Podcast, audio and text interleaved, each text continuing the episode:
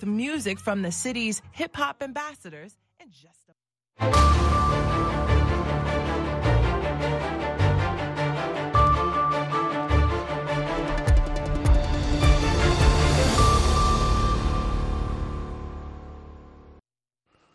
kulanti wacan oo wanaagsan. Dhegeystayaal ku soo dhawaada laanta af soomaaliga idaacadda v o a oo aad ka dhegeysaneysaan muujadaha gaagaaban iyo herarka efemyada geeska africa iyo caalamkao dhan o ad nagala socotaan boggeena internetka ee v o a somaly com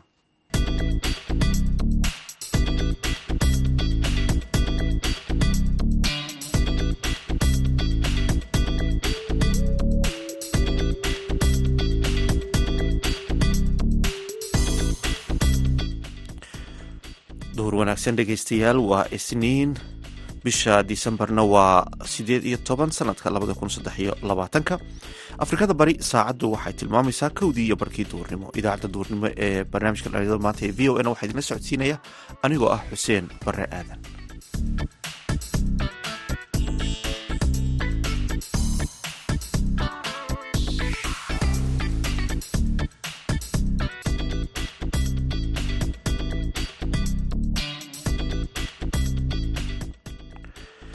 qodobada aad ku maqli doontaan idaacadda duhurnimo waxaa ka mid ah ciidamo ka tirsan dowladda soomaaliya iyo kuwa maamulka hirshabeelle oo la dhex dhigay beelo ku dagaalamay deegaano hoostega degmada mahadaay ciidamadaas waa ku baxeen agaga waana loo diray si colaada bal marka hore loo joojiyo wixii dhacayna looga wada hadlo. Markii ka dambeyso haddaana hadda colaada aysan joogsanin suuragal ma ahan in la wada hadlo. Ciidamaduna aagga hadda waa tageen dagaaladiina waa joogsadeen ogaanteen wax kale oo aan idiin haynaa dowladda maraykanka oo ka hadashay qaadista cunuqabataynta hubka saarnayd ee soomaaliya. Qodobadaasi iyo kuwo kale ayaad maqli doontaan balse marka hore waxaad ku soo dhawaataan warkii dunida.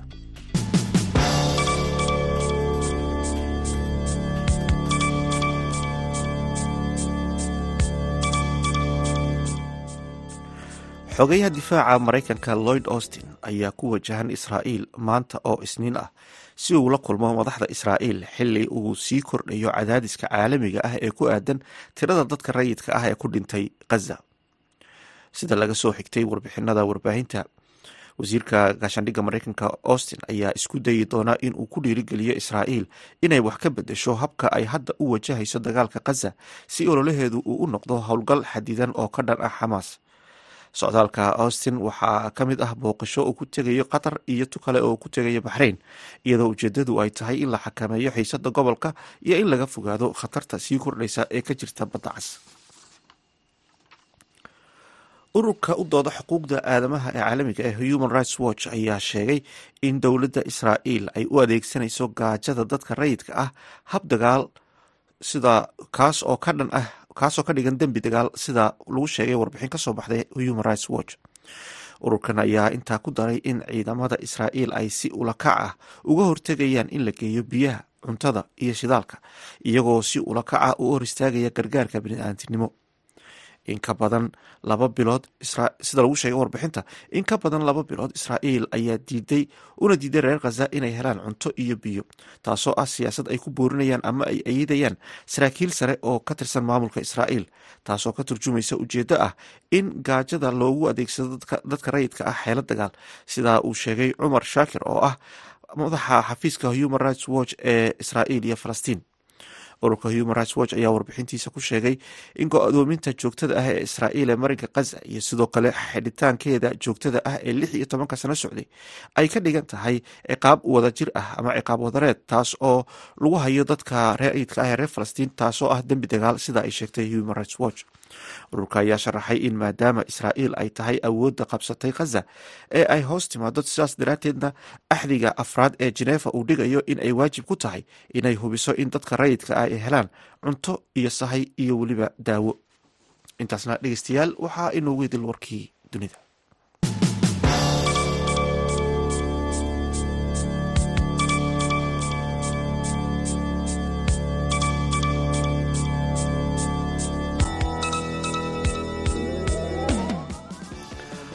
nagala socotaan waa laanta af soomaaliga idaacadda v o a. Dagaal beelediyo soo laabtay ayaa soo laalaabtay ayaa waayadii dambe dad badan ku laayay qeybo ka mida gobolka shabeellada dhexe kii ugu dambeeyey waxaa beelo ay isku dileen deegaano hoostaga degmada mahaday halkaasi oo barakac ka dhashay sida oo kale ciidamo ka socda dowladda soomaaliya iyo kuwa maamulka hirshabeelle ayaa la geeyey deegaanka. Wasaaradda dib u heshiisiinta dowladda hirshabeelle ayaa sheegtay inay ku dadaalayaan sidii loo heshiisiin lahaa beelaha oo aanay colaad u soo noqon jamaal axmed cismaan ayaa arrimahan ka wareystay axmed maxamed sheekh cabdulaahi oo loo yaqaano axmed nairobi oo ah wasiir ku-xigeenka dib u heshiisiinta iyo nabadeynta maamulka hirshabeelle bismi illahi raxmaan iraxiim alxamdu lilahi rabbi alcaalamiin uma asalaatu wasalaamu calaa man laa nabiya bacdah. Jamaal adiga iyo v o a oo u mahad celinaya marka hore allah u naxariisto dadka ku dhintay dagaaladaas sokeeye soo noqnoqday inta dhaawacaana ilaahay ha u boogadhayo dagaaladii ugu dambeeyey oo waktigan dambe ka dhacay aagaga qurac madoobe iyo aqab duco oo hoostaga mahaday alxamdulilah hadda inta aan ka warqabno waa istaageen. Walaadii meeshaas ka jirtay waxaana ku baxay ciidamo ka tirsan maamulka hirshabeelle iyo ciidamada qaranka soomaaliyeed. Waxaan ilaahay ka baryaynaa istaagidda dagaalkaas inuusan dib dambena u soo noqon. Intaasna uu ku istaagay rajada ugu badan aan qabnana waa inay colaadu istaagto dadkuna ay wada hadlaan miiska wadahadalkana lagu soo noqdo oo uu caqligu shaqeeyo marka colaadani maxay salka ku haysaa? Tallaabada ay dowladda hirshabeelle qaadaysa maxay tahay si colaada loo joojiyo? Colaadani waxyaabaha soo celceliya waxaa ugu muhiimsan dadku maadaama reer guuraa ay yihiin. Waxaa waxyaabaha keena ka mida dhulbeereedyada ceelasha biyaha dhulalka degaanada iyo waxyaaba saasa kastoo mararka qaarna ay suuragal tahay inay gadaal ka riixayaan qolyihii argagixisada ee looga awoodroonaaday gobolka. Inta badan waxyaaba saas ahoo isbiirsaday ayaa colaada soo celceliyay dagaaladan hadda kuwii ugu dambeeyey qorshaysan okay waxaan uga qorshaysan wasaaradda dib u heshiisiinta iyo hirshabeelle iyo guud ahaan maamulka hirshabeelle in wadahadal lagu dhammeeyo dagaaladuna ay istaagaan dadkuna ay ku soo noqdaan maadaama dadku aysan kala tegayn in la wada dhashay meeshana la wada joogaayo waxaa aada u wanaagsan in la wada hadlo miiska wadahadalkana wax walba ay ku dhammaadaan. Rajada badan oo rajada ugu badan ee aan qabnana waa midaas wararkana soo gaaray waxay sheegayaan in ciidamo nabad sugidda iyo kuwo kale ciidanka dowladda soomaaliya ay la dhex dhigay meelihii ay beeluhu ku dagaalameen. Arrintaasi maxaad faahfaahinna naga siin kartaa? Ciidamadaas waa ku baxeen agaga waana loo diray si colaada bal marka hore loo joojiyo wixii dhacayna looga wada hadlo. Markii ka dambeyso haddaana hadda colaada aysan joogsanin suuragal ma ahan in la wada hadlo. Ciidamaduna aagi hadda waa tageen dagaaladiina waa joogsadeen ogaanteen. Wasaaradda dib u heshiisiinta hirshabeelle doorka kaga aadan arrimahan colaadahan soo lalaabtay intee buu gaadhsiisan yahay sidii loo joojin lahaa oo beeluhuna ay wada hadlaan oo colaadaasi aysan dib dib u soo laabanin wallaahi wasaaradda dib u heshiisiinta dadaalkeeda ugu badan waxay ku bixisaa in dadka la kulmiyo in dheergaradkooda la kulmiyo siyaasiyiintii dhaqankii culamaa udiinkii la isu keeno laga wada hadlo ubucda dagaalkan asalka u ah kadibna dadku ay wada joogaan sidaasna nabad lagu gaaro. Waa waxyaabaha ugu waaweyn oo wasaaradda higsanayso waktiga dhow hadduu ilaahay yidhaah colaado kale ayaa qaybo kale oo ka mid a gobolka bilooyinkii ugu dambeeyey ka dhacayay kuwaasoo falal aan qurux badneyn laga soo sheegayay dad maati oo la leynayay guryo la gubayay tuulooyin dhibaato badan laga geysanayay arrimahaasi ayagu wasaaradda maxaa ay ka qabatay maxaase wararkii ugu dambeeyey iyo dib u heshiisiinta beelaha aada nooga sheegi karaysaa si aysan u soo noqonin colaadaasi deegaanadaasi ka dhacday? Wallahi jamaalow colaada gobolka meelo badan oo ka mid ay ka dhacday meelo hore oo wasaaraddu ay door wanaagsan oo nabadayna ku lahayd oo dagaaladoodii istaageen oo dadkii walaalaha ay wada heshiiyeen haddana noloshii si caadiya u socotaa jiro. Meelaha kale oo ay ka soo cusboonaanayana idin ilaahay waxaan rajaynaynaa in salamida ay u soo dhammaadaan. Rajada ugu badan ee aan qabnana waxay tahay in arrimahani ay iska dhammaan doonaan. Sida ugu wanaagsanna loo wajihi doono. Waxaad og tahay maamulka hirshabeelle oo madaxweyne cali ugu horeeyo waxay gogol socotay muddo toddoba sano wax ku dhow ah taalay gobolka shabeellaha dhexe taasoo looga hadlayay beelo walaalo ah oo isdilay arrintoodii si loogu dhammayn lahaa. Marka waxaad moodaa in arrimihii ay badanayaan maalinba meel cusub wax laga soo sheegayo culeyskeedana waa leedahay laakiin dadaalku ma reebano waa dadaalayanaa hadduu ilaahay yidhaah. Laakiin axmedow marka aad tiraahdo toddoba sano gogol taalay haddana colaadu ay weli socoto xaggee bay wax iska qaban laayihiin toddoba sano wax yar ma ahan marka la fiiriyo gogol taalay wallahi sunnada nolosha waxaa ka mid ah in dadku ay isku dhacaan isku dhacu uu dhammaado haddana la soo noqdo inta bini aadamka uu jirana isku dhacyadu waa soconayaan maslaxaddu annaga meesha aan ka fiirino waxay tahay in dadku aysan isdiinin la wada noolaado. Xanuunka ugu badan oo maanta ay nagu hayso markii dadkaagii isdooxaayo oo muladooxa waayeelkii la dilaayo waad dareemi kartaa waa xanuun badan. Marka waxaan rajaynaynaa in wax walba ay ku dhammaadaan sida ugu wanaagsan xooggeenna caqligeenna iyo karaankeennan aan isugu geynaynaa inay dadku wada heshiiyaan la wada degnaado. Ugu dambeyn maxaad soo jeedinaysaa aada ku soo gebagabeynaysaa adigoo ka faa'iidaysanaya fursaddani wallahi waxaan ku soo gebagabeynayaa oo cod dheer aan ku leenahay ka wasaarad ahaan in colaadda u istaagto colaaddu wax fiican ma ahan dadka walaalaha ahi kala dirtaa maanta soomaaliya waxay u jeesatay kasab iyo tacliin waddankii waa xoroobay. Waxaan jeclaan lahayn dadkeennu inay fursaddaas arkaan oo ay ka tagaan waxa noloshooda iyo dadnimadooda dib u dhigi karo. Waana u ducaynaynaa in ilaahay waddada wanaagsan uu waafajiyo aad ayuu mahadsan yahay axmed maxamed sheekh cabdulaahi axmed nairobi oo ah wasiir ku-xigeenka dib u heshiisiinta iyo nabadaynta ee maamulka hirshabelle waxaana u waramayay wariyaha v o eda jamaal axmed cusmaan. Halkaad nagala socotaana waa laanta af soomaaliga ee v o a. Markana dhegeystayaal aynu ku wada nasanno mid ka mid a heesahan idinku talagalnay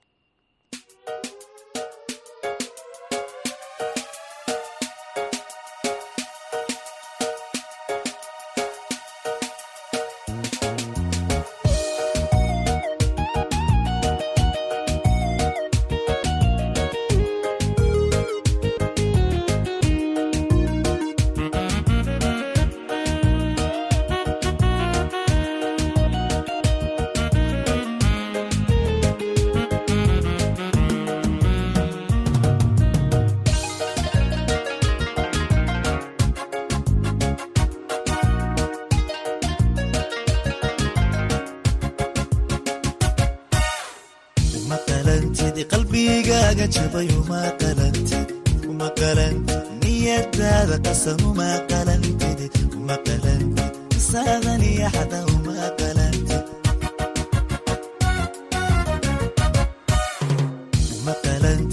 jismigaaga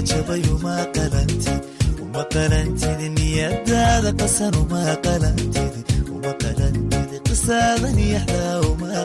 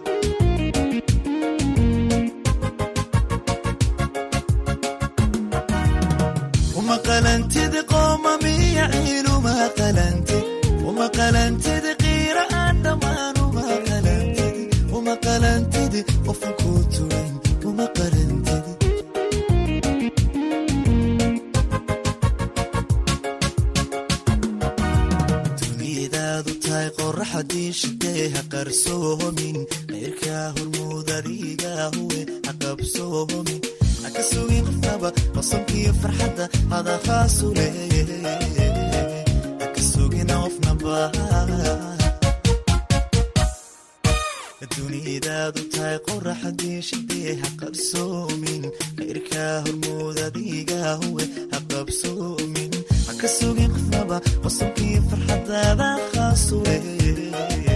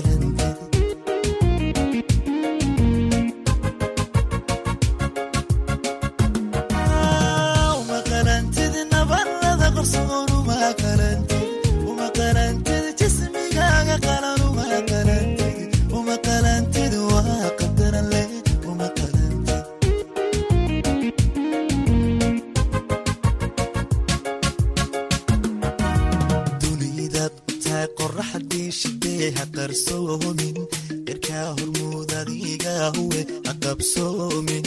Ha ka sugin qofnaba qosabkii farxadda hada khaasue ha ka sugin qofnaba. Dunidaad tahay qoraxdii shidee ha qarsoomin qirkaa hormuud adiga huwe ha qabsoomin. Ha ka sugin qofnaba qosabkii farxadaada khaasue halka dhegeystayaal nagala socotaan. Waa laantaaf soomaaliga ee v o a. Dowladda maraykanka ayaa ka hadashay markii ugu horreysay ka qaadista cunaqabataynta hubka ee saarneyd soomaaliya. Maraykanka ayaa dhanka kale soo hadal qaaday lacag abaalmarin ah oo gaadhaysa shan milyan oo dollar oo la siinayo. Ciddii soo sheegta xog la xidhiidha halka uu ku sugan yahay ama ama furmuuqaysa ku-xigeenka amiirka ururka al-shabaab. Maxamed colaad xasan ayaa warbixintan inoo diyaariyay qutumay aragtida siyaasadeed ee dowladda maraykanka oo ay v o edu bahisay toddobaadkii tegey. Ayaa dowladda maraykanku waxay ku sheegtay inay shan milyan oo doolar lacag gaaraysa. Ay siinayso qofkii u soo gudbiya xog horseedaysa in la aqoonsado ama lagu ogaado halka uu ku sugan yahay abuukar cali aadan oo ah ku-xigeenka amiirka ururka al-shabaab sida lagu sheegay qoraalka abuukar cali aadan ku-xigeenka hogaamiyaha al-shabaab ayaa muddo dhowr sanno ah soo ahaa madaxa garabka jabhadda al-shabaab. Waxa uu kadib noqday taliyaha militariga al-shabaab. Ugu dambayntiina waxaa loo dallacsiiyey booska uu hadda hayo ee ah ku-xigeenka amiirka ururka al-shabaab. Al-shabaab ayaa lagu tilmaamaa garabka ugu ballaaran ee ugu hantida badan kooxaha ologala ah ururka alqaacida sida ay sheegtay qaramada midoobay. Al-shabaab ayaa inkastoo ay saldhigyadeedu soomaaliya yihiin waxay sidoo kale weeraro argagixiso ka fulisaa waddamada soomaaliya dariska la ah sida kenya iyo ethoobiya weeraradii ay ka fulisay saddexda waddan ayaa waxaa ku nafwaayey kumanaan qof kumanaan kalena way ku dhaawacmeen bishii janawari ee sannadkii labada kun sideed tobankii ayaa wasaaradda arrimaha dibadda ee maraykanka waxay abuukar aadan cali ku dartay liiska argagixisada caalamiga ah. Sidoo kale qaramada midoobe ayaa abuukar aadan ku dartay liiskeeda argagixisada. Dhinaca kale dowladda maraykanka ayaa soo dhoweysay cunaqabatayntii hubka ee dhowaan laga qaaday soomaaliya oo ay ku tilmaantay mid kaalin weyn ka qaadanaysa in laga adkaado al-shabaab. Ambasador robert wood oo ah kaaliyaha wakiilka gaarka ah ee maraykanka ee arrimaha siyaasadda ee qaramada midoobay ayaa yidhi dowladda maraykanka waxay u codaysay oo ay taageertay qaraarka qaramada midoobay ee cunaqabataynta soomaaliya. Waxaa kaloo aan taageernay korjoogtaynta iyo hirgelinta qaraarkan oo muhiim u ah horumarinta nabadda iyo xasiloonnida soomaaliya iyo guud ahaan gobolka oo dhan ambasador wood ayaa sidoo kale qaraarkan ku tilmaamay mid wiiqaya saamaynta kooxaha argagixisada ee soomaaliya. Gacanna ka geysanaya waxyaabaha horseeda colaadda soomaaliya. Waxauu yidhi waxaan ku boorinaynaa xubnaha qaramada midoobay inay hirgeliyaan cunaqabataynta al-shabaab si gacan looga geysto. Xakamaynta awoodda ay kooxdan u yeelan karto inay hesho qarash hub iyo nooc kasta oo ah taageerada ay u baahan tahay si ay u fuliyaan weeraro waxaa kaloo aan boorinaynaa in dalalka xubnaha ka ah qaramada midoobay ay taageeraan hay'adaha ammaanka iyo kuwa siyaasadda ee soomaaliya. Waxyaabaha ay u baahan yihiinna laga taageero si ay ula dagaalamaan argagixisada oo ay u sugaan ammaanka muwaadiniintooda ayuu yidhi. Go'aamada noocan oo kale ah waxay muujinayaan buu yidhi ambasador woods in beesha caalamku ay taageerayso isla xisaabtanka soo afjaridda dembiyada la galo oo aan ciqaab lagu mudan gaar ahaan kuwa wiiqaya nabadgelyada iyo ammaanka soomaaliya buu yidhi ambasador wood ayaa intaasi ku daray in dowladda maraykanka ay dhinaca kale soo dhoweynayso horumarka ay dowladda soomaaliya ka samaysay hagaajinta kaydka iyo maamulka hubka. Aad ayuu mahadsan yahay maxamed colaad xasan. Warbixintaasi inoo diyaariya islamarkaana inala socodsiinaya halkaad kala socoteenna waa laanta af soomaaliga v o a dhinaca kalena qoysaskii ugu dambeeyey ee ka soo barakacay fatahaadaha iyo daadadka elnino ee ku dhuftay soomaaliya ayaa soo gaadhay xeryaha barakacayaasha ee degmada dayniile ee magaalada muqdisho. Waxaana halkaasi ku haysta xaalad adag oo dhinaca nolosha ah. Warbixin arrintaasi ku saabsan waxaa muqdisho ka soo diray xasan kaafi qoyste. Kaamka iidle oo ku yaalla waaxda halgan ee degmada dayniile waxaa xaalad adag ku wajahaya qoysas soomaaliyeed kuwaas oo ka soo barakacay qaar ka mida gobollada dalka sababo la xiriira fatahaadaha iyo daadadka elniino ee ku dhuftay soomaaliya. Fatahaadihii ay sameeyeen webiyada dalka ayaa cagta mariyey dalagyadii la filayey inay sanadkan soo go'aan sida uu ku waramayo cabdulaahi yuusuf oo ka tirsan beeralayda ka soo barakacday degmada bariire. Waxaan ku soo barakacay bariire degmada bariire beeraleyan ahay. Wixii sanadkan tacbi jirnay ama ku noolan lahayd ama ilmaha laga bixin lahay biyaha nagu soo gooyey guryihii macalbeerihii kullii biyaa naga qaaday. Ilmihii hamar kula soo orodnay waxaan joognaa degmada dayniile gaar ahaan kaamka iidle ayaan ku sugnahay samafalka.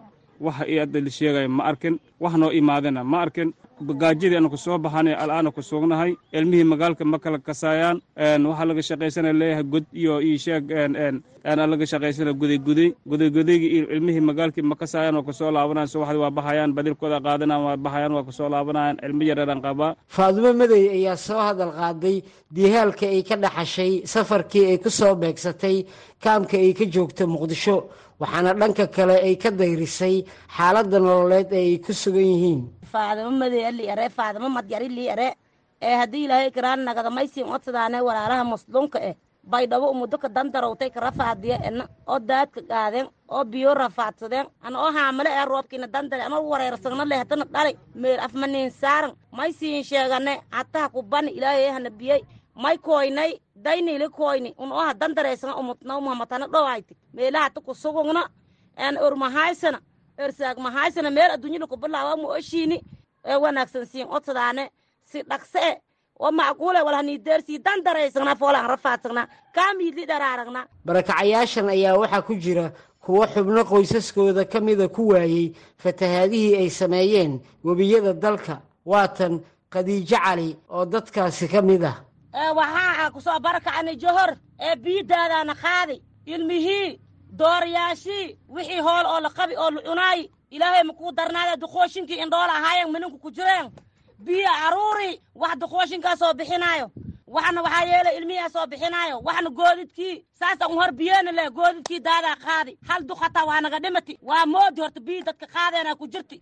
Awootaday waaye buush bac maloo haayo. Wax la unaayo ma leh ilmihii waa dandaraysan yihiin waa rafaadsan yihiin ilaahay dartiis wax nooga keena. Abaar kale ma naga soo dhayn laakiin aaran ilaahay aafili jirtaa imaati marka naftaayna la soo baxsani. Gobolka gedo oo ka mid ah meelaha ay sida daran u saamaysay fatahaadaha uu sameeyey webiga jubba ayaa qayb ka ah goobaha ay barakacayaashani ka yimaadeen. Magaagaysi la doobooy muumow muusi lii dhehee ee baar dheeri ka dhagamaay hoolaley ahaadi jiri hoolagii daadkaa oo gaadi een haddii ilaahay karaana la dandaraysanya qahooti hadda ma aragne haggalni ee baar dheeri a kaqahani ebedkaana hamarma kooyna meel una kasaana male dal ii duurniinjingu en dhooli en hoolagii daadkaa noogaadi dhammaadeen ugu dambayntii xaawo maxamed oo ah horjoogaha kaamka ay barakacayaashani ku dandaraysan yihiin ayaa ka warbixisay dhibaatada ay qabaan iyo goobaha ay ka soo barakaceen walaalayaal waxaa noo yimid dad walaal ah oo barakaca oon weligood xamar imaanin oo jidii jaha meelay u socdaan aan garanaynin. Dadkaas walaalka ah muxuu ahay annaga waa nagu soo hirteen meel bannaanoo iska soo fadhiisteen annaguna waxa hadda aan qaban karno weyna waa u qabana aan leenaha ma jiraan. Dadkaas walaalka waxay ka yimaadeen qaar waxay leeyihiin baydhabaan ka nimid qaar waxay leeyihiin beledweynaan ka nimid qaar waxay leeyihiin baardheeraan ka nimid qaar waxay leeyihiin nawaaxiga afgooyo tuulooyinkan ka nimid webigaa nagu soo fatahmay in dadkaas soomaaliyeed oo jooga degmada dayniile waaxda halgan kaamka iidle in walaalnimo iyo il naxariiseed lagu wada fiiriyo wixii loo gali karana loo galo. Xasan kaafi qoyste v o a muqdisho